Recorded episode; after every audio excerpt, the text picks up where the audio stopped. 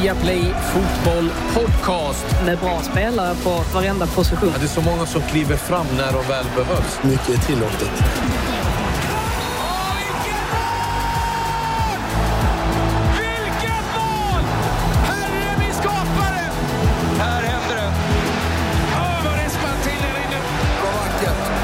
Det är bästa dagen på året. Det största som har hänt fotbollen någonsin i princip. Hjärtligt välkomna ska ni vara till ett nytt avsnitt av Viaplay Fotboll Podcast. Eh, Vi eh, befinner oss i alla fall två av oss på I Like Radio-studion, eller i I Like Radio, I like Radio-studion på Ringvägen. Svårt att få till det där Jonas. Eh, välkommen! Tack ska du ha. Och i London, där har vi Frida. Eh, du kommer inte någon annanstans nu, höll jag på att säga. När jag är fast på en, eh, en, en ö som eh, har, tydligen har ett eh, dödligt virus som eh, sprids i extremt snabbt, snabbt utsträckning. Så att målar man upp det så så låter det ju fruktansvärt men jag mår rätt bra ändå, måste jag säga.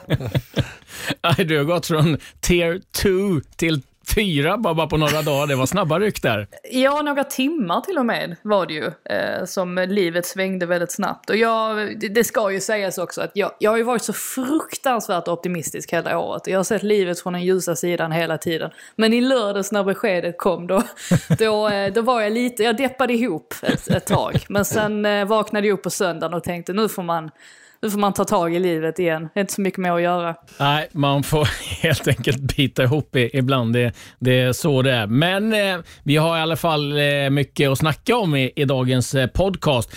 Det är ju mycket som har hänt och det är mycket som händer. Liverpool krossade Crystal Palace. Är det nu Liverpool drar ifrån de övriga lagen? Vi bjuder på en intervju med Manchester Uniteds lagkapten Harry Maguire. Ljudschemat älskas av fansen, men hur ser spelarna på det? Mm, jag ska höra vad Jonas har att säga om hur det var att konka öriket runt under jul och eh, nyårshelgerna. Men vi gör som vi alltid brukar göra. Vi börjar med senaste nytt ifrån England.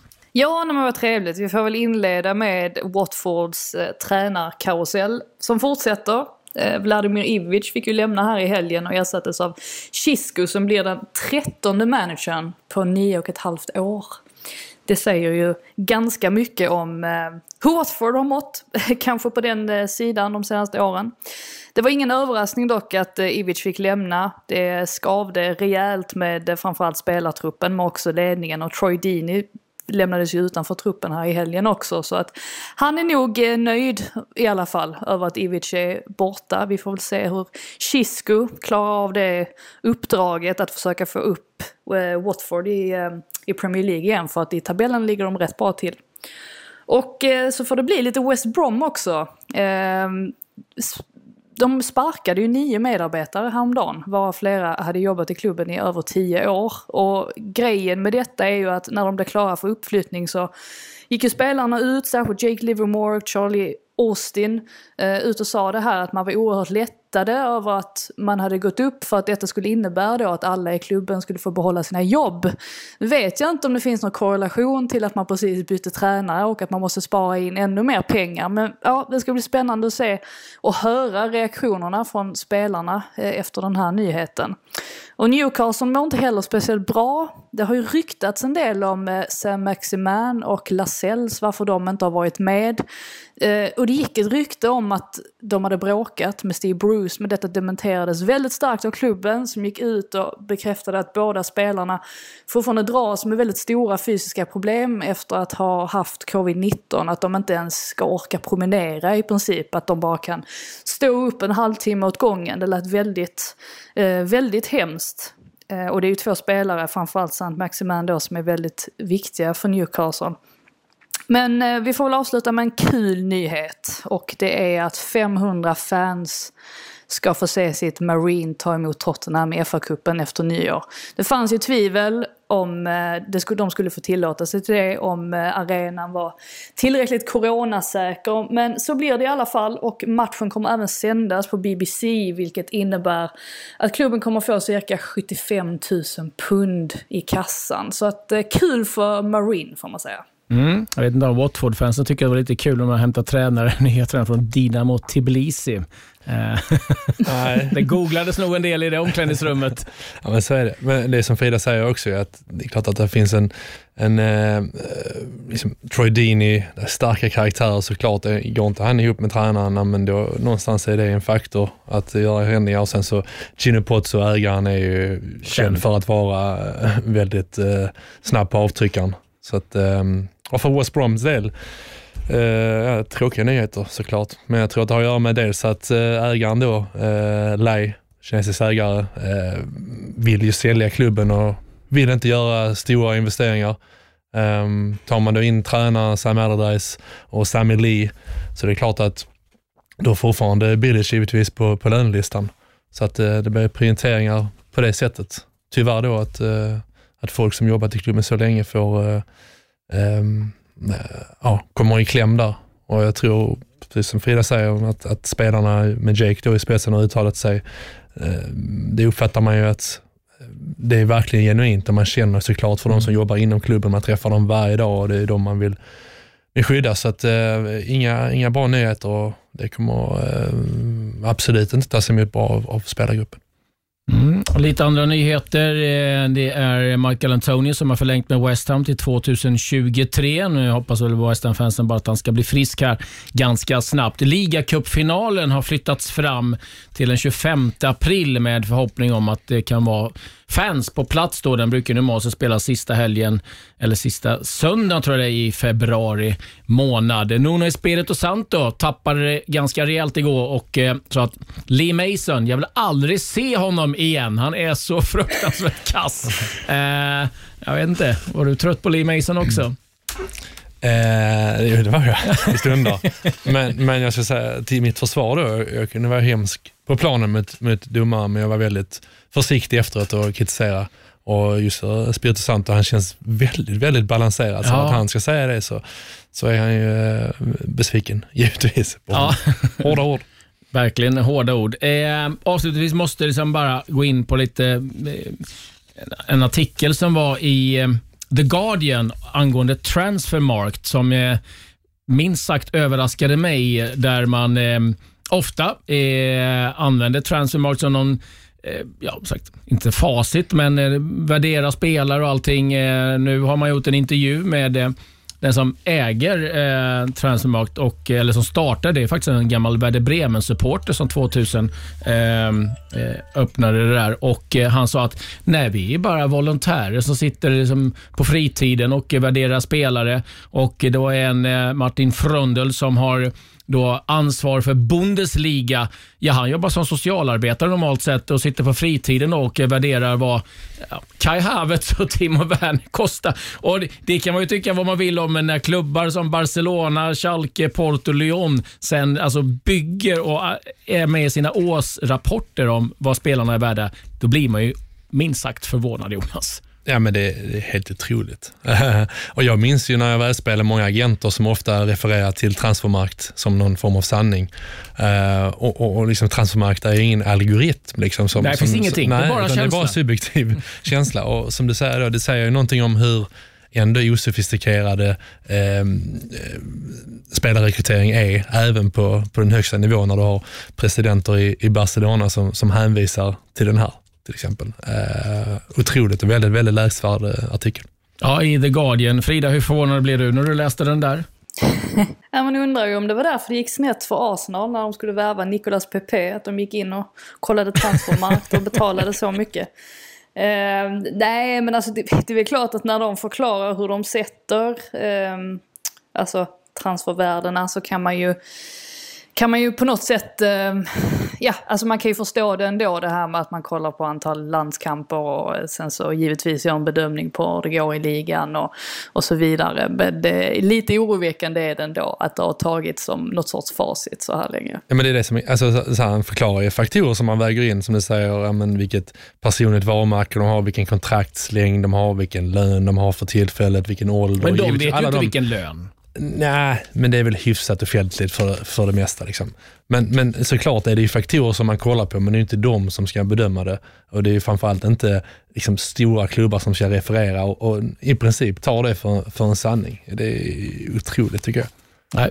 Fyra gånger per år så görs den här korrigeringen, eller då värderingen av eh, spelarna. Och som ni säger, man kollar på mål, assist, landskamper, kontraktslängd, eh, klubbens eh, status som de spelar i. Men det är klart att det, det vore kanske ganska bra att veta om vilken typ av fotbollskunskaper som den här personen då besitter som sitter och gör de här eh, värderingarna. Ja, det är intressant. Eh, kan vara bra för spelaren eller agenten att veta vem det är som gör det.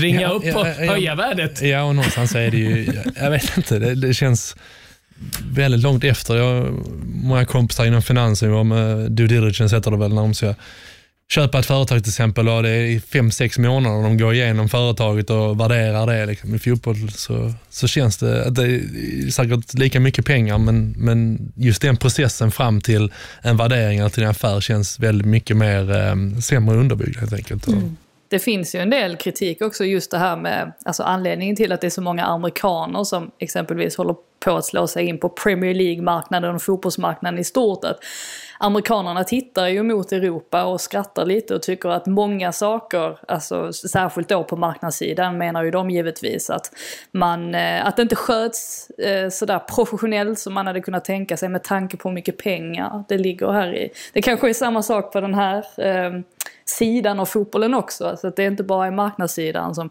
ibland är lite undermålig utan att det finns, ehm, ja, uppenbarligen inom scouting och, och den typen av verksamheter också. Ja, känns tryggt att man vet att det sitter Martin Frundel i soffan i Bochum och bestämmer hur mycket Kai Havertz och company är värd. Ja, det där är ju värt att eh, hålla reda på, men eh, som eh, sagt, en mycket läsvärd artikel i The Guardian angående transfermarkt. Vi eh, går vidare och eh, vi eh, tar oss tillbaka till Sellers Park. Och så är det mål igen! Den här gången är det Salah Skjuter och då gör han mål igen och vi har 7-0 för Liverpool. Och Mohamed Salah inhopparen, tvåmålsskytt i matchen. Ja, en förkrossande seger för Liverpool eh, som eh, då kliver på 31 poäng. Har skapat en liten, liten lucka nu till, till Leicester med fyra poäng ner. Jonas, eh, var det här rycket vi såg från Liverpool?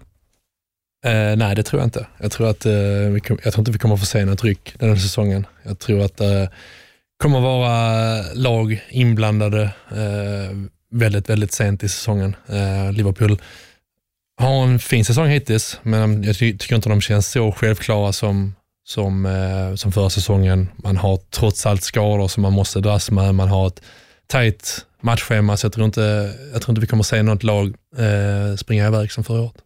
Vad är din känsla på det Frida? Nej men jag håller väl med. Jag tror också att det kommer säkert gå lite upp och ner. Grejen med Liverpool är väl att det nästan alltid känns som att de Eh, med undantag för vissa matcher så känns det som att de nästan alltid vinner på sina egna villkor snarare än att de förlitar sig på vad motståndarna gör eller att motståndaren ska göra misstag. Jag tyckte man såg det framförallt mot Tottenham där skillnaden är att Liverpool spelar ju sitt eget spel medan då Spurs liksom eh, låg lite lågt och inväntade att de skulle göra lite misstag. Och just därför så ser man ju Liverpool som det starkaste laget i ligan. Eh, jag tror att de kommer att vinna så småningom och det reagerar man ju på att alla andra lag är väldigt mycket upp och ner. Vi får väl se om Manchester City nu verkligen kan komma ikapp på allvar. Men eh, det är väl tur för ligan i alla fall att man inte tror att eh, de kommer, kommer springa iväg. För att det blir ju lite roligare i alla fall att följa ända fram till slutet.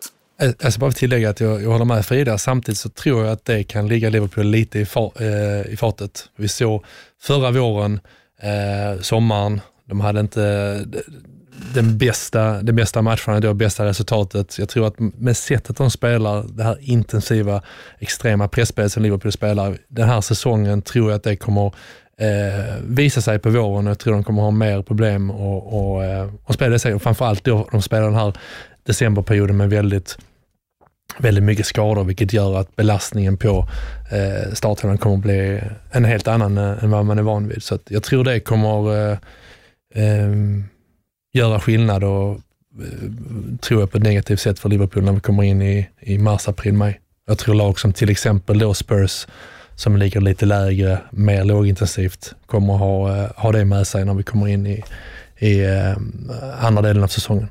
Mm, det är många parametrar just att ta med, just att det är en liten märklig säsong. Sen kommer det ju till januarifönster där man inte riktigt vet hur klubbarna kommer att agera. Men en sak man får ta med sig från den här matchen, det var ju att Salah kom in och gjorde två mål, hade väl en assist också. Men eh, det som det snackas mest om eh, i England, det är ju den här intervjun han gjorde inför den här matchen där han dels ett, eh, inte uteslöt en eh, flytt till Barcelona eller Real Madrid. Han höll den dörren väldigt öppen, skulle man väl säga. Och sen att han var ganska sur då över att han blev nobbad som lagkapten i matchen mot Midtjylland där Trent Alexander-Arnold fick eh, binden istället. Hur eh, har reaktionerna varit, Frida? Alltså jag tycker inte att de har varit så, eh, att det har snackats så väldigt mycket om det ändå. Eh, det är väl klart att det har ju funnits den tanken och det fanns det ju redan i somras att man kanske, att Liverpool kanske inte skulle få behålla Mané eller Salah, att den trion där fram inte skulle vara intakt. Men den man har trott främst skulle lämna har ju varit Mané, att man tänkte sig att om det kom in ett bud från Real Madrid så hade han möjligtvis kunnat tänka sig att eh, testa på någonting nytt nytt och lämna. Eh, nu svänger det kanske över lite pendeln då till Sala. Eh, så att eh, ja, man får väl bara avvakta och, och, se hur det artar sig. Sen har han ju haft lite sådana här tendenser tidigare också. Alltså Salah är en fantastisk eh, anfallare och striker men det märks ju, han har ju tendenser att ja, bli lite sur när han blir utbytt eller när ja, när saker och ting inte går som man vill. Och det har ju Mané också. Det är väl det som gör dem så bra också kan man tänka sig. Att de har den vinnarskallen på, på något sätt. Eh, men ja, man, eh, fortsättning följer. För en som står utanför så känns det väl någonstans ganska naturligt att i det här läget, vi ska komma ihåg att det är flera spelare före. Det är Henderson, det är Dyke, det är eh, Milner och nu gav man då eh, binden till eh, Trent Alexander-Arnold som en egen produkt. Kändes inte det någonstans ganska logiskt? Salah känns inte som den som tar den där stora platsen. Nej, och det är svårt att säga när man inte har varit i det omklädningsrummet. Men det som kan sägas är väl att jag känner igen de tendenserna spelare är där är hierarkier, eh, alla spelare är bekräftelse-junkies på ett sätt eller annat. Så jag tror det handlar mer om, om de grejerna.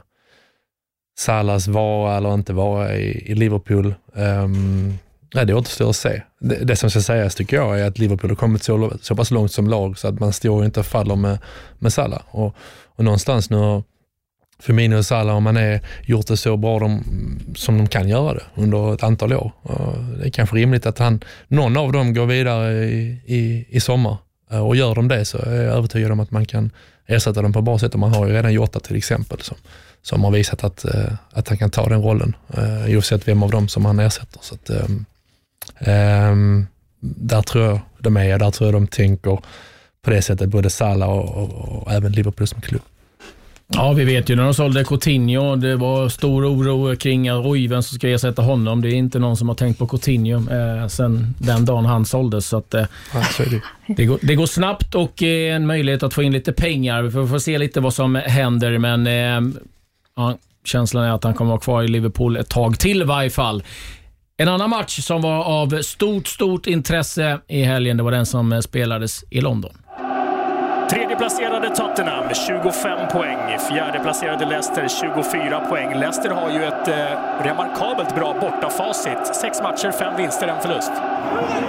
Hinner man med någonting här då, Leicester?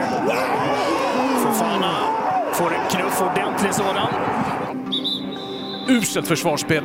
Det är straffspark för Leicester. Vardy mot eh, Joris. Vardy kommer fram, skickar bollen i mål! Albrighton, löpningen kommer från Justin. Albrighton tar sig inåt här, söker upp mot Vardy som nickar, det studsar i mål! De får 2-0 till slut ändå, Leicester! Och det är ju via Aldemirel som var olycklig senast, olycklig igen när Leicester har 0-2 efter knappa timmen. Mm, det blir en eh, sällsynt, men för Brendan Rodgers del mycket välkommen vinst. Eh, för Leicester borta mot Tottenham. De tar sig upp som tvåa i tabellen. Leicester som alltså nu ligger på en andra plats och eh, lite Frida känslan samma som det var när de var ligan. De bara smyger med. Ingen pratar om dem. Man pratar om Chelsea, Man United, Tottenham. Men det är Leicester, Brendan Rodgers som plockar in poäng efter poäng. Ja, nej men verkligen så är det ju. De har ju ett väldigt bra lag också, måste man säga säga. Eh, dels då med Jamie Vardy där fram som är Nej, men han är ju outstanding på alltså det, alltså det han gör, alltså sättet han liksom smyger in bakom backlinjen. Alltså mittbackarna får inte en lugn stund när han är på planen. Men också att Thielemans och Ndidi då eh, i den här matchen var och är otroligt, eh, otroligt viktiga för eh, Leicester och har varit väldigt, väldigt bra också och håller laget samman. Och just det här också att man har klarat av alla skador, i, i, särskilt i backlinjen då. Eh, väldigt bra. James Justin har ju spelat till sig den där positionen på högerbacken. Um, Fofana har vi nämnt väldigt mycket tidigare också. Man har en bra målmakt i, i Schmeichel. Uh, Madison har börjat komma igång så smått nu. Uh, hade väl otur som fick sitt mål borttömt där mot uh, Tottenham. Och har vi Barnes på det som springer och springer. Så det är, det är mycket bra saker, eller mycket bra spelare i, i Leicester. Och det visar sig ju nu med en tränare som är så pass skicklig som Brendan Rodgers är. Hur imponerad du av Leicester, Jonas? Nej, jag har inget att tillägga egentligen. Frida sa det mesta och sa det väldigt bra tyckte jag. Eh, väldigt imponerad och det är klart att de ska räknas med eh, som toppkandidater. Det är bara som Frida är inne på, de har eh, Varenda lagdel är stark. Anfallet är jättestarkt, mittfältet kanske deras starka, starkaste med NDD, Thielemans, Madison som verkligen har kommit igång tycker jag. Man har Harvey Barnes som, som verkligen är en game changer med sin energi och försvarsmässigt, som vi sa, liksom att de är, de är väldigt starka och har haft väldigt mycket skador på Pereira, på Sionsu, men, men, men Evans och framförallt Justin som jag är väldigt eh, imponerad av har, har gjort det på, på ett väldigt bra sätt och kommit långt såklart med, med lagbygget under, under Brennan Rodgers. Eh, har en av Premier Leagues bästa målvakter i, i, i Schmeichel. Så att eh, jag ser dem absolut som eh, toppkandidater. Jag tror också de har eh, tagit lärdomar av, av förra året där de, där de i princip tog slut när, när serien vände. Um, vilka lärdomar man har tagit av det, eh, svårt att säga, men det är klart att man, man, man lär sig av det och man lär sig, Brennan Rogers lär sig av det. Hur tränar man? Hur förbereder man sig? Kanske han roterar på olika sätt som man inte gjorde förra året. Så att, um, jag är övertygad om att de kommer, eh, kommer vara med eh, långt, långt eh, upp och lång, länge den här säsongen. Nu är jag nyfiken på, för du har ju gjort det flera gånger. Hur är det att spela mot Jamie Vardy och eh, ursäkta, hur, hur fan får man stopp på honom? Ja, du får ju spela eh, väldigt lågt framförallt. Väldigt centrerat. Det var väl de två grejerna som vi, som vi tryckte på när vi skulle möta Leicester och Jamie Vardy. Eh, och med det menar jag på att du, du står lågt försvarsmässigt eh, och du står framförallt centrerat när du själv är i anfall. Så det är mycket det här handlar om att det cyniska i försvarsspelet. Var står vi när vi anfaller? Om vi skulle förlora bollen, eh, var, var, är vi, vilka positioner har vi då för att inte Jamie Vardy ska såra oss bakom? Men då handlar det mycket om att stå centralt, ja, det kanske går, spelar vi fyrbackslinjen som vi gjorde då, ja, men en, en ytterback kan gå, den andra han ska bara in, så man står med tre centrala försvarare och ska han få springa i djupled av Vardy, ja men då ska, ska ytan finnas utåt kanterna, absolut inte centralt. Så det var väl det vi tryckte på mest.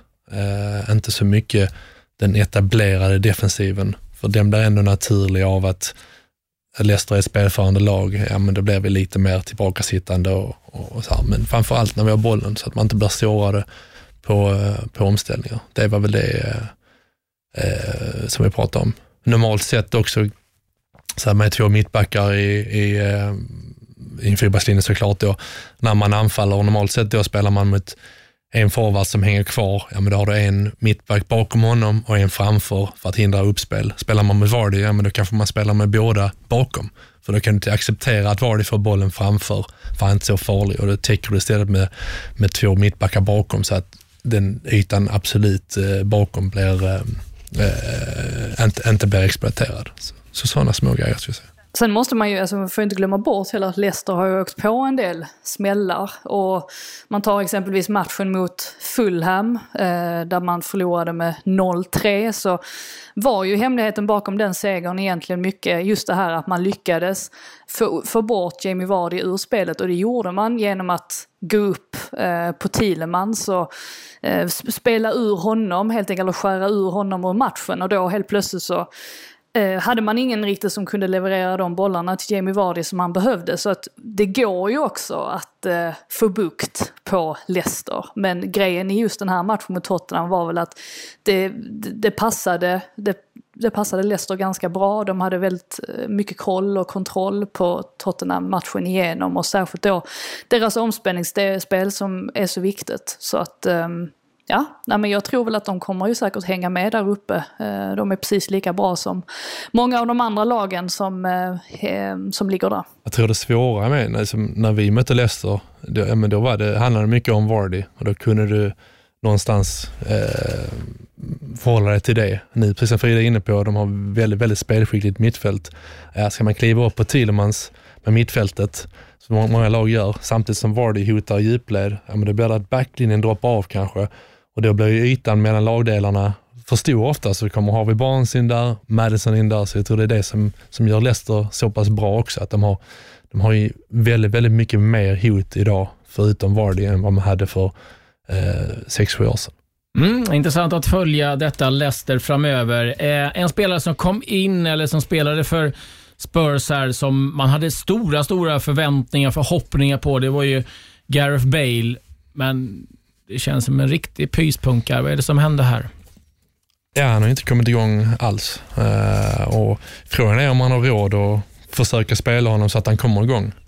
Uh, och Det beror på lite vilka ambitioner man har för Spurs, med Spurs i år. Ja, vill man slåss om titeln, då är jag övertygad om att äh, då måste man få igång Gareth Bale. För har man en anfallstrio med Son, Gareth Bale, Harry Kane. Tänk när Harry Kane droppar ner, hämtar boll och du har inte bara sån utan du har även Bale i högform som, som, eh, som går i djupet eller vill ha bollen.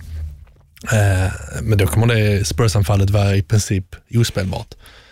Eh, så har man ambitioner om att vinna en titel, då tror jag det är rimligt att försöka få igång Gareth Bale. Har man en ambition att ja, men vi ska ta en Champions League-plats i år, sen ska vi vara med och slåss om titeln, ja, men då kanske man inte ska ska spela honom. Eh, för då har man gångbara alternativ med Lucas Lamela till exempel. Så, så tycker jag kring det. Frida, du, eh, du kollar ju på sändningarna, eh, vet, du lyssnar på radio och tidning. Så här, hur, hur går snacket kring Gareth Bale? Jag tror att alla blev lite chockade då efter halvtid när, när han kom in. För att det var väl nästan som att folk hade glömt bort att han fanns ens. Eftersom att han inte har spelat sådär jättemycket.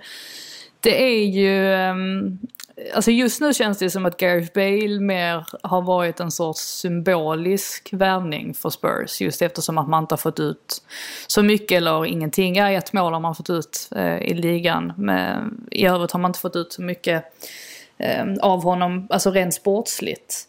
Eh, sen verkar han ju trivas väldigt bra i Tottenham eh, av vad man har hört och så. så att ehm, jag tror det är väl inte det det handlar om riktigt men just nu så kan man ju absolut inte säga att han skulle bänka Bergwijn till exempel. Han passar helt enkelt inte in i Mourinhos sätt att spela på. Eh, så som det ser ut nu när man behöver lite speed och sådär. Han är alldeles för seg i nuläget. Ja, och, och Mourinho då kräver ju väldigt mycket defensivt också av sina, sina kantforwards.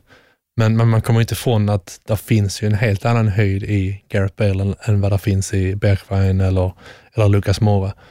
Um, men, men det är, ja, han trivs säkert bra i London, han trivs säkert bra i Spurs, men det syns ju inte på planen. Det känns som att han det känns som att han inte mår bra på planen och inte har gjort det en längre tid. Det känns som att han har hela världen på sina axlar på något sätt när han spelar. Så det är väl också någonting för Mourinho att, att försöka komma runt och få honom att eh, må bra och känna glädje på planen. Och det är väl Mourinho, glädje vet jag inte kanske, men han är erkänd bra i sin man management. Uh, så att, um, men återigen så tror jag, ska Spurs vara, vara med hela vägen, ja, men då måste uh, Gareth Bale komma upp i den höjden som, som kanske inte som han var, han kommer inte bli den spelaren som han var när han blev lämnad, men får man upp Gareth Bale i 80-85% av den nivån, är han fortfarande topp, topp i, i, i Premier League. Mm, lite oroande att eh, se vad som händer med Gareth Bale. Har ju spelat en del matcher i Europa League och kanske inte riktigt eh, satt världen i brand där heller. Vi får väl se om eh, Mourinho kan få fart på Bale. Nu är det dags för tipshörnan.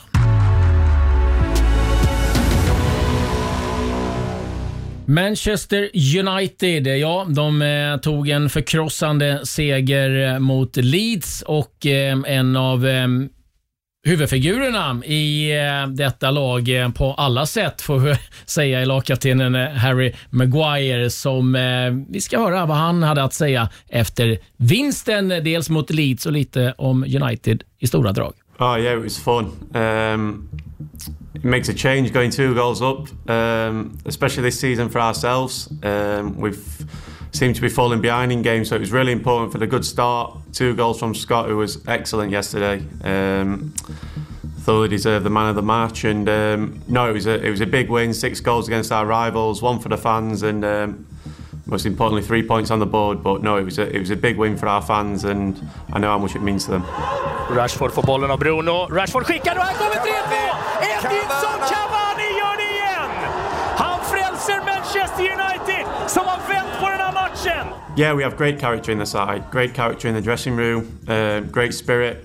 Uh, we know as a team that we have great belief that we can score goals. I think it's good, Jesse, that you've seen a lot of different goal scorers. Obviously, Scott's got two, Victor's got on the score sheet as well. So we need to start spreading them goals around the team um, and score goals from all areas. So we know we can score goals. Um, just that when we, we do go behind, we need to keep our clear clear mind, keep our clear game plan, and we've done that really well in recent weeks.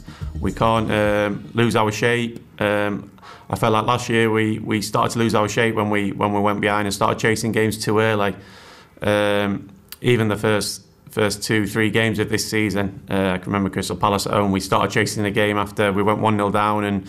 Uh, we got punished. So now our shape looks a lot better when we go behind, but for sure we, we don't want to be going behind in games. We want to we want to be taking the lead like like we did last night and and make the game a bit more easier and and not give our our fans something to worry about so early on every game. So um, no, it's it's important that we start we start to, to turn that around because we, we did meet, have a meeting about it and we spoke about it and we can't keep going behind in games if we want to, to, to be successful. So although we are laughing and joking, um, it is something that we do need to improve on. Hörnan inne Maguire och där har vi väl 1-1! Inga Newcastle-protester och Harry Maguire knoppar in kvitteringen halvvägs in i den första halvleken. Listen, we, we've always had belief, even after the even after the first game of the season, we believed that we could win the Premier League. So it doesn't.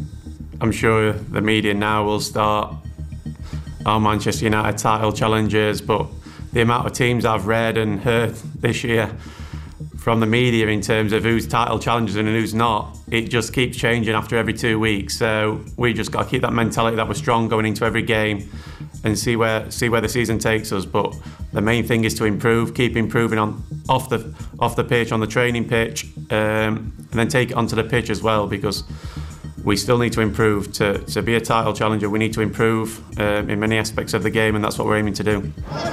Madison, mera Leicester, Madison. Ja, det är bra tänkt och det är väldigt, väldigt bra tänkt. Ah, han smek ju in den där vänstern. A tough match. Um, a, a great club with a top manager and, and, and some fantastic players. So it's going to be a tough match. I, I know their players really well. They have some great talented players. Um, and I know Brendan really well, who's a, who's a great manager. Um, so it's going to be a tough match, especially going to, to their ground. We went there last year and we knew we needed to get resu- results to get the Champions League, and we managed to do so. So we've got to treat the game like like we did last year because we know for sure it's going to it's going to be a tough match. But we've got to take great confidence from, especially the result yesterday and our recent performances, that we can go there and get the win, and, and that's what we'll be looking to do.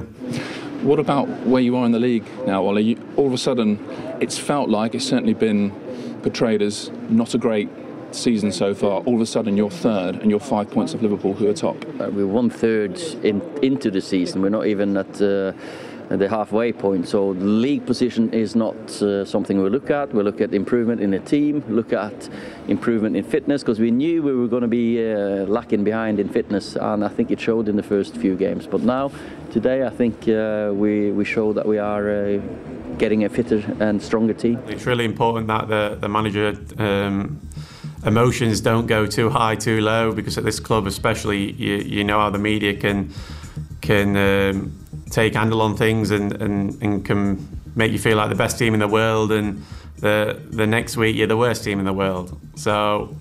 No, it's really important from the gaffer to, to, to keep his emotions as he does, and I'm sure you, you guys you guys can see how, how calm he is. When you look back two years, even before three, two, two, three years ago, I think um, the progress. If you watch the, the game last night to, to a game two, three years ago, is is totally different. Um, the style of play, the attacking threat, the the intensity that we play at.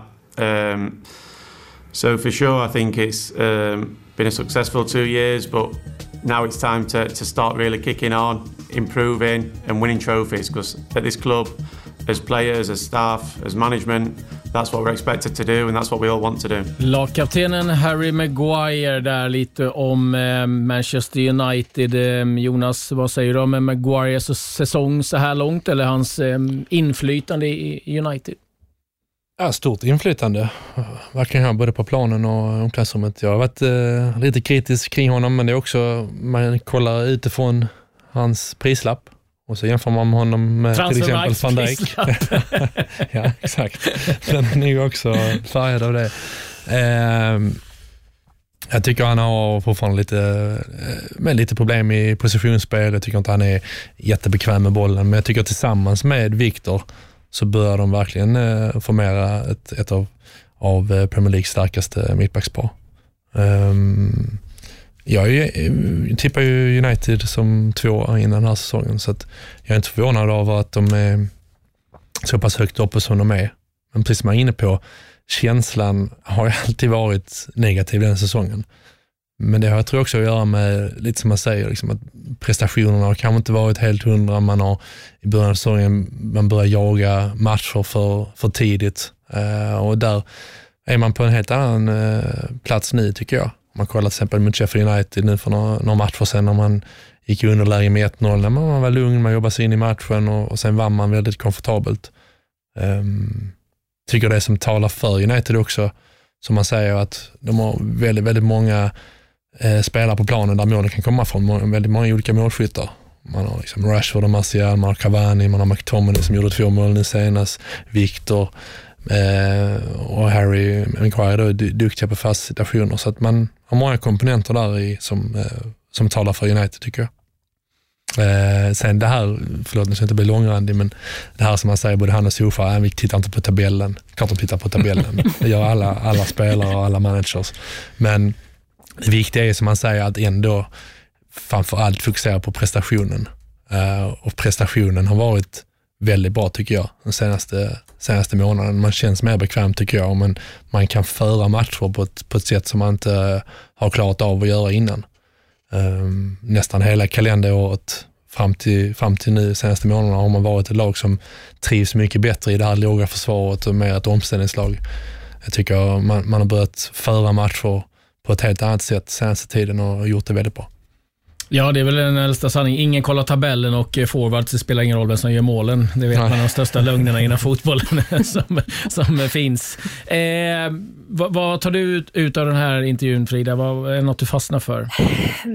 Alltså det är väl mer det här med att, um, att han jämförde med alltså Manchester United idag kontra för tre år sedan och menade på att man har en helt annan typ av spelidé och um, ja, att det helt enkelt ser bättre ut. Och ehm, alltså det jag kan hålla med honom om är ju att man har många spelare som har särskilt det här så mycket, mycket speed och det är, väl, det är väl dels också förknippat med Manchester United och det här att det ska gå, det ska gå snabbt och, eh, och så vidare. Ehm, alltså jag var ju ganska förvånad över att Daniel James till exempel fanns i startelvan mot Leeds först. Sen insåg man ju så fort matchen började att ja just det, det finns ingen mer Leeds-kompatibel spelare som inte tillhör Leeds än Daniel James. Alltså hans, hans snabbhet kom ju oerhört väl till pass. Och, eh, det, det, var ju ett exempel på en spelare som man helt hade glömt bort. Och, eh, sen har man Cavani också som eh, kan vara där framme och eh,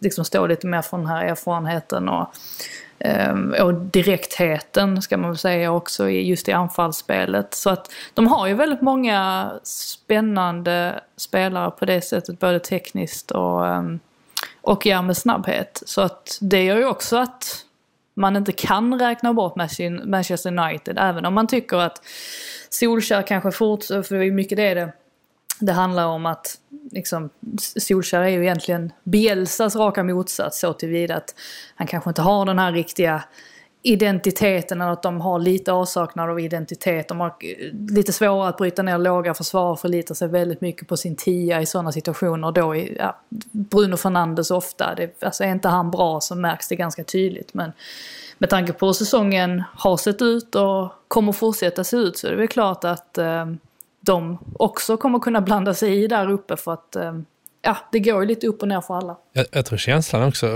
nästan för alla, det känner jag också, att känslan är mer negativ än vad det har varit. Och det tror jag gör med att liksom, det är så mycket runt United som, som är negativt. Liksom kritiken mot Ed Woodward, hela Pogba, Mineraiola, soppan och sen de här starka gamla United-spelarna som Paul Scholes, Roy Keane som nästan alltid är kritiska. Så då det man dras med i den, men om man kollar rent statistiskt, eh, ja men det är ju United, ja de är fem poäng efter Liverpool med en hängmatch. Exakt. Så att, eh, och, och, och någonstans också, Champions League, ja det är klart att man vill gå vidare där, men det, det var en väldigt, väldigt tuff grupp. Eh, om man någonstans också satte sig i ett bra läge när man vann i Paris, för det hade ingen förväntat sig att man skulle göra, men när man gjorde det, då blev det så här, men det är klart man ska klara av detta. Och så, och så gjorde man inte det genom förlust mot PSG hemma och, och sen har man problem mot, mot Leipzig. Uh, men, men, om man kollar nyktert på det så är det klart att ja, men man ska gå vidare. Eh, man hade väl gått vidare där, men det är ingen jättekatastrof egentligen att åka ur den gruppen, för det var en väldigt, väldigt tuff grupp. Och det tror jag också färgar såklart känslan av uh, av United den här säsongen. Men i, i Premier League har man gått väldigt bra som sagt. Eh, med vinst i den hängmatchen så ligger man tvåa och har hängt på Liverpool på, eh, i allra högsta grad. Jag tycker det är lite intressant, du, du nämner det Frida, eh, med just med, med Bruno Fernandes, att man pratar väldigt ofta om att man är avhängd av hur han är bra. Detsamma får man säga. Tottenham med Kane och Son, är inte de bra, då går det dåligt. Mm. Eh, Kevin De Bruyne, tar bort honom i Manchester City så känns det som att väldigt mycket kommer fattas. Om vi tar Aston Villa så har vi Grealish, Liverpool kanske har lite mer större spridning eh, på, på den här trion där framme. Så, så det känns som att det, det är ganska många lag som ändå sitter lite i den där sitsen att man är beroende av en, två spelare. Men grejen är väl lite det också att det är ju precis mot ett sånt eh, lag som Liverpool som man siktar på. Alltså det, det är väl klart att man kan, eh, ja men ta till exempel Tottenham nu. Eh, jag tror till alltså det, att det kan vara Eh, så pass illa att även om de skulle säkra titeln i vår och de har gjort det på det här, alltså ett väldigt Mourinho-sätt, att de har stått lågt och att de har, de har förlitat sig på omställningar. Jag är inte övertygad om att alla Spurs-supportrar kommer vara nöjda ändå, trots att man tar en titel. Alltså just det här med att hur det ser ut ute på planen, alltså vilken, vilken roll du har i näringskedjan är så väldigt viktigt. Och just nu är Liverpool på toppen och det är dit alla alltså det är de alla tittar på, alltså inte bara på planen utan även hur de sköts utanför, alltså hur de rekryterar värvningar och så vidare. Alltså det är dit man siktar och när Manchester United som har varit en sån enorm klubb eh, under en så lång tid och haft sånt oerhört stort inflytande. Det är klart att ribban för dem är ju satt mycket högre än för alla andra klubbar i Premier League.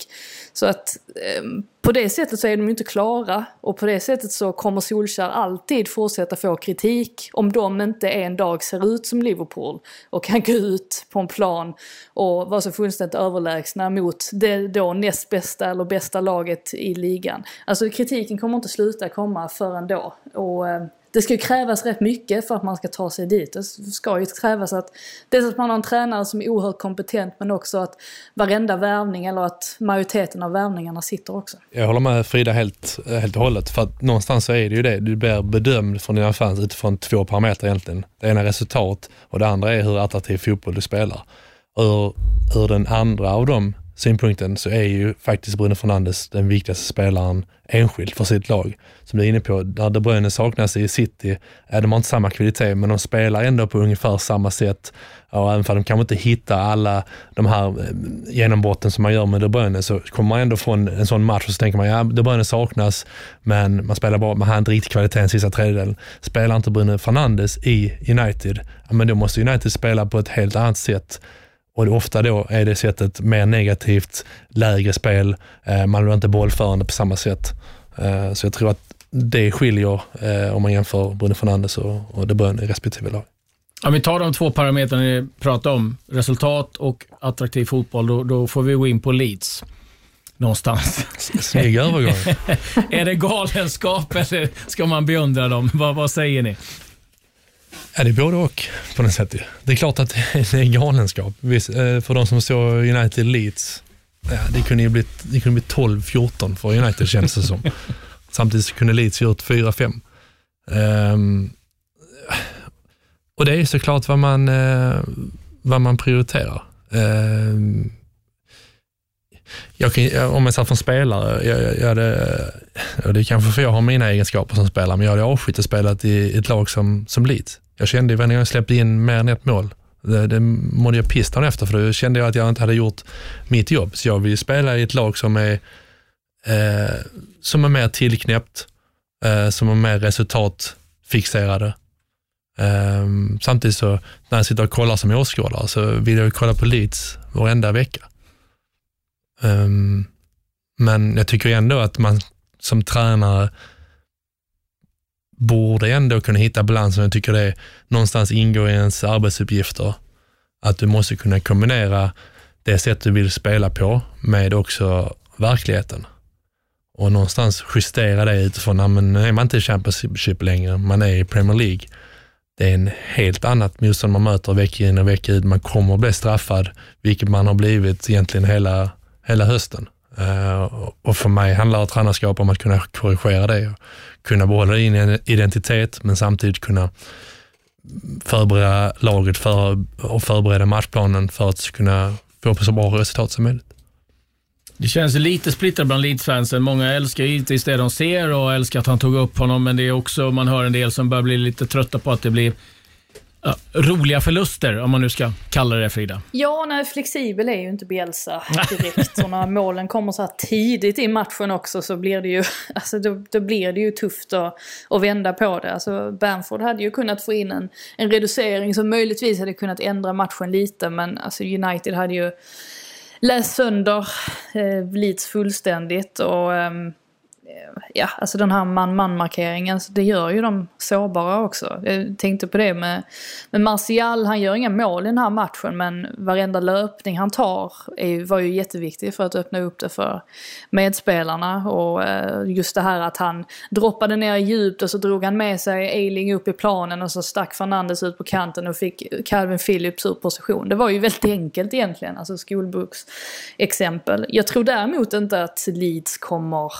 åka ur. Alltså jag tror inte de, jag tror ändå att det här sättet att spela på kan ändå vara så pass effektivt, alltså sett till att man tar tillräckligt många poäng för att man ska undvika en, en bottenstrid eh, på det sättet. Sen är det klart, det måste ju ta på spelarna ganska mycket också och det har vi ju sett rätt ofta med Leeds, att de, eh, alltså Bielsas Leeds då, att de tröttnar framåt vårkanten när de har sprungit slut på sig själva. Så att eh, det ska ju bli väldigt intressant att se om det Leeds vi ser idag och vi har sett under hösten, om de ser likadana ut framåt våren eller om de har tröttnat lite mer då? Ja, jag tror att de har eh, svåra möjligheter att hålla sig kvar. Jag tror att det är just det här tankesättet som, som jag känner igen från det året vi åkte ur. Liksom, när man, ja, men om vi hade satt den, om, ja, om, om, om.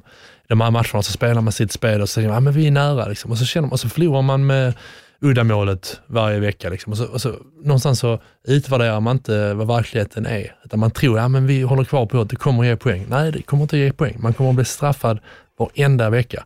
Vecka ut och vecka in. Så att, eh, jag är orolig för dem. Sen så kan jag inte, sen, sen man inte sitta och bli liksom Roy Keane, där han säger liksom, ja, men allting är bara resultat, punkt. Liksom, så är ju inte, så är inte verkligheten på något sätt. Utan det, det är ju eh, liksom underhållning också. Du måste kunna motivera spelarna och så vidare. Men, men jag tror att man måste någonstans korrigera vissa delar för att inte vara så öppna som man är. Jag, ty jag tycker att, nu blir jag långrandig här igen, men jag tycker att äh, det är bara att kolla på i princip samtliga lag i Premier League. De har tillräcklig kvalitet för att straffa ett lag som är så pass öppet som, som Leeds är. Um, och, och, och någonstans så, om man pratar om Leeds direkta rivaler, eh, om man säger under, under, under halvan av tabellen, ja de flesta är där är också väldigt organiserade och väldigt bra på att försvara sig lågt. Så att, um, jag tror, eh, jag tror Lisa kommer få problem, tyvärr, för de är roliga att titta på. Ja, det är ju eh, den här ständiga frågan. Bielsa vet vi vad han har stått för i, i fotbollen, hans betydelse. Samtidigt om man tittar på de andra som har ändrat fotbollen, Rinus Mitchell, Cruyff, Catanaccio, Sacchi. De fick ändå resultat om man titlar med sin fotboll. Bielsa har ju inte mycket att visa för det. Liksom. Det är väl det som man känner någonstans att han behöver nog korrigera lite grann, eh, men eh, ja, vi kan konstatera att de är väldigt roliga att titta på i varje fall. Det, det... Sen, sen är det klart att det är väl ett resultat i och för sig att ta upp Leeds efter det? Det är över 20 år utanför, eller 20 var det kanske inte, men 15 i alla fall.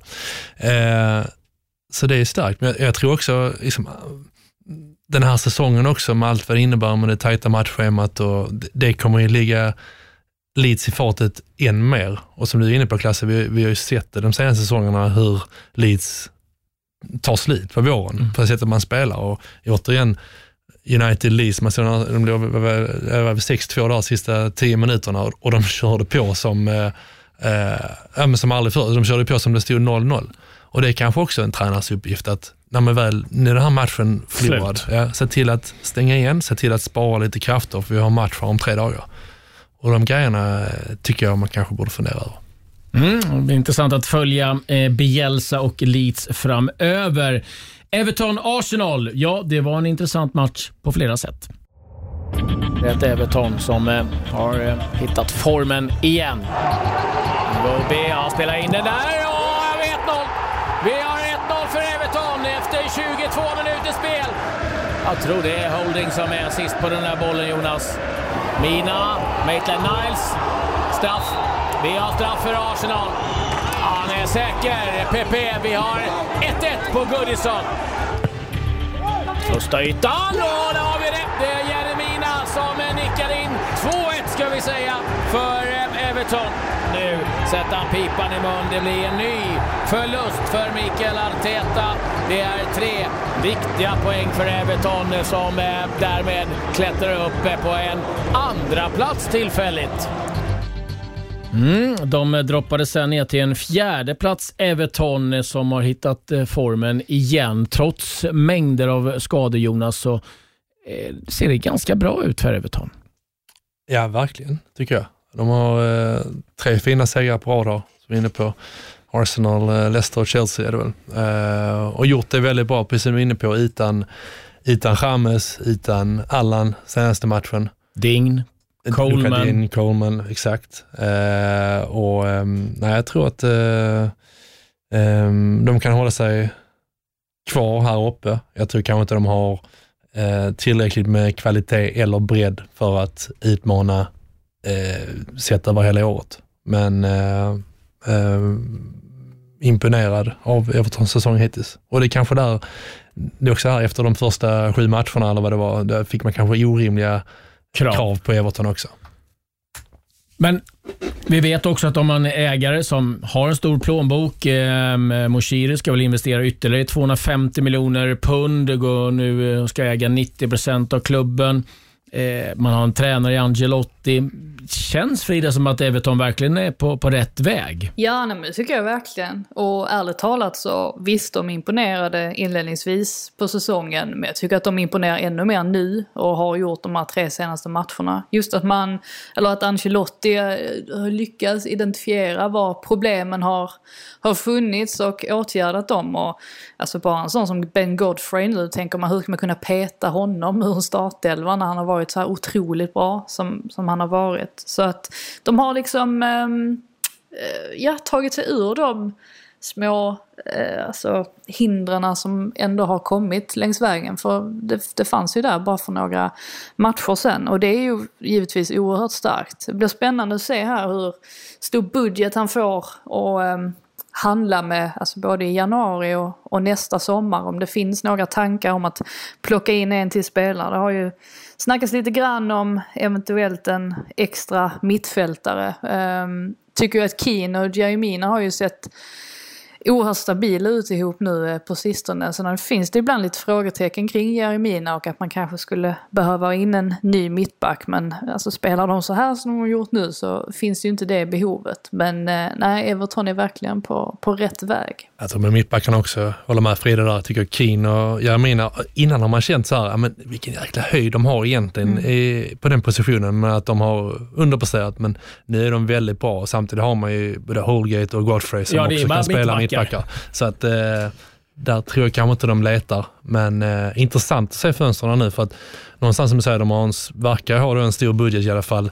Eh, sett i covid och så här, så andra större lag kan vara lite restriktiva såklart i de här tiderna. Och sen har ju också Everton en helt annan attraktionskraft för spelare än vad man hade för två år sedan till exempel. Man har Ancelotti som tränare, man har eh, med den här ligapositionen man har, man har ett lag som är verkligen på framfoten i, eh, och, och, och, verkligen utvecklas. Så att, eh, jag tror man har en större möjlighet rent ekonomiskt men även då eh, på det sättet att, att, att spela vilt i Everton. Som, eh, eh, som ska bli spännande att se i, i januarifönstret och framförallt i sommarfönstret. Mm, det talas om Sami Khedira som mm. har pratat då med eh, Angelotti som eh, tillhör Juventus, som inte spelat på något år, eh, men eh, har varit väldigt tydlig med att han gärna vill. Och lite sådär i, slutet av presskonferensen så sa han väl, Angelotti, att ja, kanske, kanske i januari. Det är givetvis en spelare som behöver komma igång, men där finns ju kvaliteter i, i en spelare. Men det är väl det som är skillnaden med att, som du är inne på Jonas, att spelarna gärna vill komma för att spela för Carlo Angelotti. Och han har sagt det nu. Han, han var tydlig i en intervju att det här året då satsar vi någonstans i Europa, om det blir Europa League eller eh, Conference. Det får vi se, men nästa år, nästa säsong, då är det topp fyra som gäller. Är man, siktar man topp fyra, ja, då kan man likväl sikta hela vägen. Så att målsättningen är ganska tydlig jag älskade intervjun. Vi, vi såg ju den innan matchen där när han fick en fråga Angelotti angående Arteta att han behöver en vinst. Han skrattar lite lätt. Det behöver vi alla. och jag älskar det så att en gammal ärrad tränare vet att ett par förluster från sparken, det är man eh, alltid. Eh, vi ska väl bara snabbt, snabbt Frida, eh, angående Arsenal.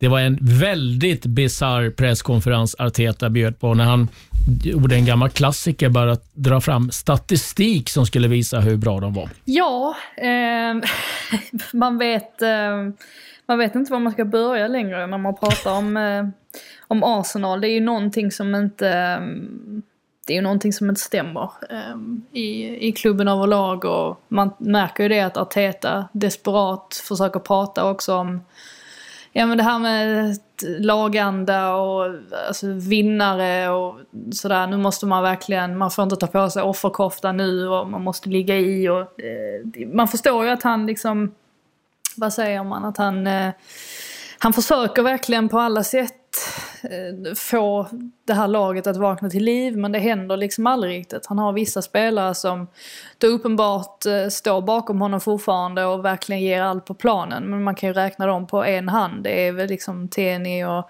Bukayo Saka, Leno, möjligtvis Gabriel när han spelar. Ehm, men i övrigt så är det inte så mycket mer och det kommer ju ständigt rapporter då om omklädningsrummet och alltså att det, det finns en schism där mellan vissa spelare då. Att det ska absolut inte vara majoriteten som inte står bakom Arteta men att det är tillräckligt eh, att vissa inte eller är missnöjda med hur Eh, särskilt Özil och Sokratis har behandlats och Eh, det här att eh, man tycker Xhaka kom för lätt undan jämfört med Pepe efter sina röda kort och att det är den typen av saker som ska ligga där under och, och gnaga lite. Och så möter man Chelsea på det nu. Det är ju inte det mest tacksamma motståndet och eh, å andra sidan så kan man kanske kliva in i den matchen och, och känna att vi har inte så mycket så mycket press på oss för det är ingen som tror på oss heller och att man då kanske kan plocka fram någonting extra i ett derby. Men det är, äh, det är inte mycket som äh, Det är inte mycket som är, är ljus just nu eh, borta i, eh, borta i Arsenal. Det, det får man ju säga. Nej, man minns väl när Rafa Benitez satt och, och drog det här om facts eh, angående domslut eller vad var emot United. Då visste man att ja, nu Känns är det tid. desperat. Ja, men... jag, eh, jag tror, ja, förlåt, jag Ja. bara nej, men jag tror som Frida säger, jag tror att det är en, en eh, grej som absolut inte är bra för Arsenal. Just situationen med Özil som varit länge och Sokratis har det, som jag upplever det i alla fall, som två väldigt starka karaktärer i omklädningsrummet. När de inte spelar, eh, när de inte ens är med i truppen, det, det skapar alla som har spelat fotboll, när, när liksom äldre spelare som är dess, dessutom har stora platser i gruppen och inte de spelar, då, då, då blir det ofta schismer, det blir sämre stämning i omklädningsrummet som, eh, som inte är bra för något lag. Sen så någonstans, vi pratade om spelarrekrytering innan, och där någonstans måste man väl peka finger också på Arsenal. Tycker man suttit de senaste tre åren och, och de har köpt spelare och de har fått sina chanser och man tänker, jag kan inte fatta att de har köpt den spelaren. Det, det är liksom nästan alla. Jag kan inte komma ihåg senaste åren man har köpt en spelare som är wow, liksom. jag gillar Gabriel, tycker han har eh, varit bra den här säsongen, men det är samtidigt lite på grund av att, ja men vad har det varit innan? Eh, så att den delen har ju bevisligen inte varit tillräckligt bra. Nej, och sen jag kan väl tycka att det är lite märkligt att man, att man som klubb går tillbaka till ett managersystem som de flesta klubbarna någonstans är på väg att lämna för att det är för, liksom, för ett stort arbete. Viljan, ja, det är ju en, en värvning som eh, Arteta definitivt är bakom. Och var inne på Everton, de spenderar 66 eh, miljoner pund och eh, i somras eh, Arsenal eh, över 80. Så det är ju också Mm. siffror och man känner väl någonstans att Everton gjorde ett bättre fönster än vad Arsenal gjorde. Men Ja, om, man är, om man är ju, nu säger jag med managerrollen, eh, Eh, om man pratar Artetas vara eller inte vara, är det är klart, har han en managerroll som han har, ja då är det svårt också att, att göra ändringar. För då har han en helt annan eh, kontroll såklart i klubben. Han har fått välja medarbetare på ett helt annat sätt än vad en first team coach hade gjort. Så man är ju mer, mindre flexibel också eh, när man, när man inför den här managerrollen igen då. Mm. Vill jag nog få återkomma till eh, Arsenal framöver. Nu ska vi eh, diskutera lite angående det här julschemat som kommer. Eh, Frida och jag, vi gillar ju när det är mycket matcher. Vi ligger i soffan eller så jobbar vi. Det händer saker hela tiden. Och Jonas är vi lite nyfikna på, älskar man det lika mycket som spelare eller var det med en period man gick in med fasa? man lärde sig att förhålla sig till det, skulle jag säga. Så här, det är väldigt enkelt egentligen. Att går du in i den perioden när du är i bra form, när laget går bra, då, då älskar man det. Då är det kul att spela. Det är matcher var tredje dag. Du återhämtar dig på ett, eh, på ett enkelt sätt för du har en massa positiv energi. Det är kul för att du är, du är i och omkring laget hela tiden. Du är på hotell liksom på, på julafton, på juldagen, på nyårsafton. Eh, då är det sin sak. Går det dåligt, då är, då är det pest. Liksom. För du är, du är med laget hela tiden. Du har ingen annan ventil. Du har inte eh, din familj nära, du har inte kompisar nära, du har, du har ingen fritid. Uh, så det är mycket knutet till, till det, ska jag säga. Och det är ju, det är ju i princip uh, från julafton så är du ju på hotell med laget i princip. Och då är du också ute på, på vischan någonstans. Så att uh, du inte kan göra någonting annat. Och det handlar mycket om att spela och sen så ska du återhämta dig så bra som möjligt till nästa match. Så det är i princip nästan inga träningar, utan det är eh, väldigt mycket fokus på, på eh, återhämtning och förberedelse då inför, taktisk förberedelse inför, inför nästa match. Det låter ju sjukt långtråkigt också. Ja, ja det är det ju. Och, och det är också knutet till, men har, du, har du en bra eh, stämning i, i omklädningsrummet, har du spelare som går bra med varandra, ja men då är det lättare såklart. Och den är ju ofta knuten till prestation givetvis. Rent fysiskt då? Ja, tuffare ju, ju äldre du blir givetvis.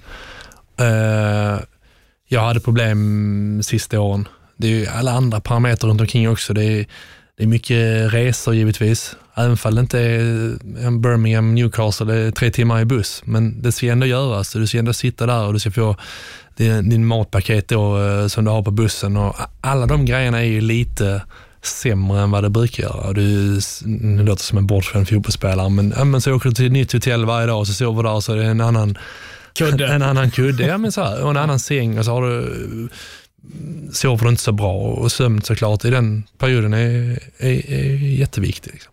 Um, men framförallt skulle jag säga att klimatet i hur du trivs med de andra i, eh, i laget? Är det viktigaste. Är det dåligt, är det um, har ni problem prestationsmässigt, är ni pressade, då, men som alltid, alltså, alla, oavsett jobb, liksom, har du tufft på jobbet, ja, men du vill ju bort från jobbet för att du ska kunna ha en ventil då, om den ventilen är din familj eller dina kompisar eller whatever, du vill göra något annat. Det får du inte möjlighet att göra under den perioden. Det är med laget. 24-7, på gott och på ont. Nu kommer jag låta som en riktigt gammal stöt och det är jag ju. Um, eh, så, men en tanke lite grann här. Eh, du var väl egentligen under den eran, men blev det värre med åren med sociala medier när det blir större med liksom Instagram och där man sitter under jul eller nyårshelgen eh, och man ser bilder från familjer, kompisar, alla sitter och firar jul och dricker glögg och äter skitgott och du sitter där på ditt rum med eh, Brunt. Ja, det har inte, ja, ja, Brunt, det trivdes jag ju. Men funderade att jag satt med, med Purelis och tog en kaffe efter middagen. Eh, hungry nej, Warrior. Ja, Hungry Warriors. Eh, ja, det, är inte, det är en bra fråga. Det har jag inte tänkt på, men du var kanske lyckligt ovetande innan sociala medier om det. Och det väl, ja, matas du med, med den typen av intryck så, så är det klart att det blir eh, svårare. Det är ju säkert en bra poäng. Samtidigt så är du inställd till, liksom, det är också ditt jobb och du får förhålla dig till det och du vet ju spelreglerna. Men det betyder inte att du, att du måste gilla det. Men, men tanken var väl ändå liksom att man ställde in sig på det och man visste om det. Man visste att man inte kunde fira jul i, i Skåne eller, eller var, eh, familjen i London eller vad det nu var. Um, och um, um, Det var så det var och, och återigen, liksom att fick du ehm, hade du en bra energi i laget, en bra stämning så, så var det fine. Hade du inte det så var det, var det mycket jobbigare. För mig, Skåne eller Pulis, det är lite som en 50-50 för mig. Sen var det ju någonting, alltså, måste säga, alltså Boxing Day, det är någonting, någonting med traditioner. Det, var, liksom, det, det, är ju det viktigaste speldatumet i, i hela England och, och liksom, verkligen alla kollar på fotboll och allting upp, all uppslutning kring det, var, den var otrolig. Och som svensk då att få vara en del av det, det var, det var också väldigt eh, häftigt och, och berikande givetvis. Nu är det Frida som sitter inlåst på hotellet. Ja. jag tänkte precis på det, att det blir jag som får undvika sociala medier på julafton nu, så att jag inte eh, känner mig ensam. Men jag, jag gillar också Boxing Day-fotboll, så att jag, jag ser fram emot eh, jul, annandag jul. Vad blir det för julmiddag nu då, Frida? I tier 4? Julmiddag, ska man, ja, ska man ordna sånt också? eh. det, det, blir en gammal sån här trekantsmacka från Pret ja. jag, jag är ju vegan lite, lite också, så jag kan ju inte äta så mycket på julbordet ändå. Så att det blir, ah. Jag får se vad jag slänger ihop här. Inga pigs and blankets? Nej, det man kan ju... Jag vet inte vad det är Niklas. Nej. Man kan ju få säga det finns ju bacon, alltså vegansk bacon och eh, veganska ja. korvar. Så man hade ju kunnat göra en version, men jag känner att jag, jag tror jag hoppar det. Frida har koll på det i alla fall. ja, Pix and är alltså prinskorvar och så bacon lindat runt. engelska köket när det, när det är som allra bäst. Det, lät ju inte sådär, alltså, jag, jag lät inte jättegott originalen. Jag kan säga den du föreslog där Frida lät faktiskt inte sådär jättemumsig. Men ähm, ja, du får koka ihop något gott där eh, vi, vi tänker på. Du får bli en hungry warrior alla Tony Pulis. det, det är som är problemet med engelska köket, de kokar allt. Ja, det är faktiskt så. Ja, nej, det är allting, gott, allting är, är, ja. ja, och, och nej, Den delen äh, saknar jag. Det är också en del som jag kommer aldrig glömma när jag beställde en lasagne och fick pommes till. Och jag får, jag var helt ärligt, var liksom, las, ja, klart man måste ha pommes till.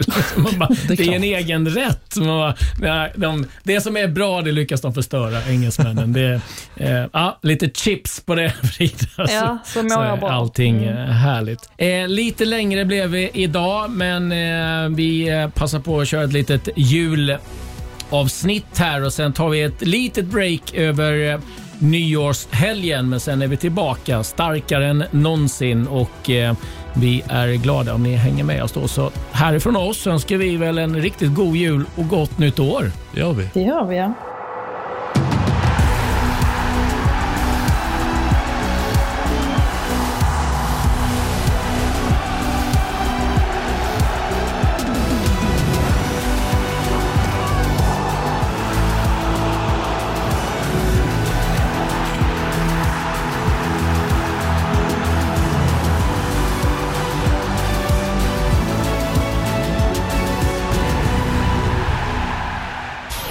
Produceras av I Like Radio. I like radio.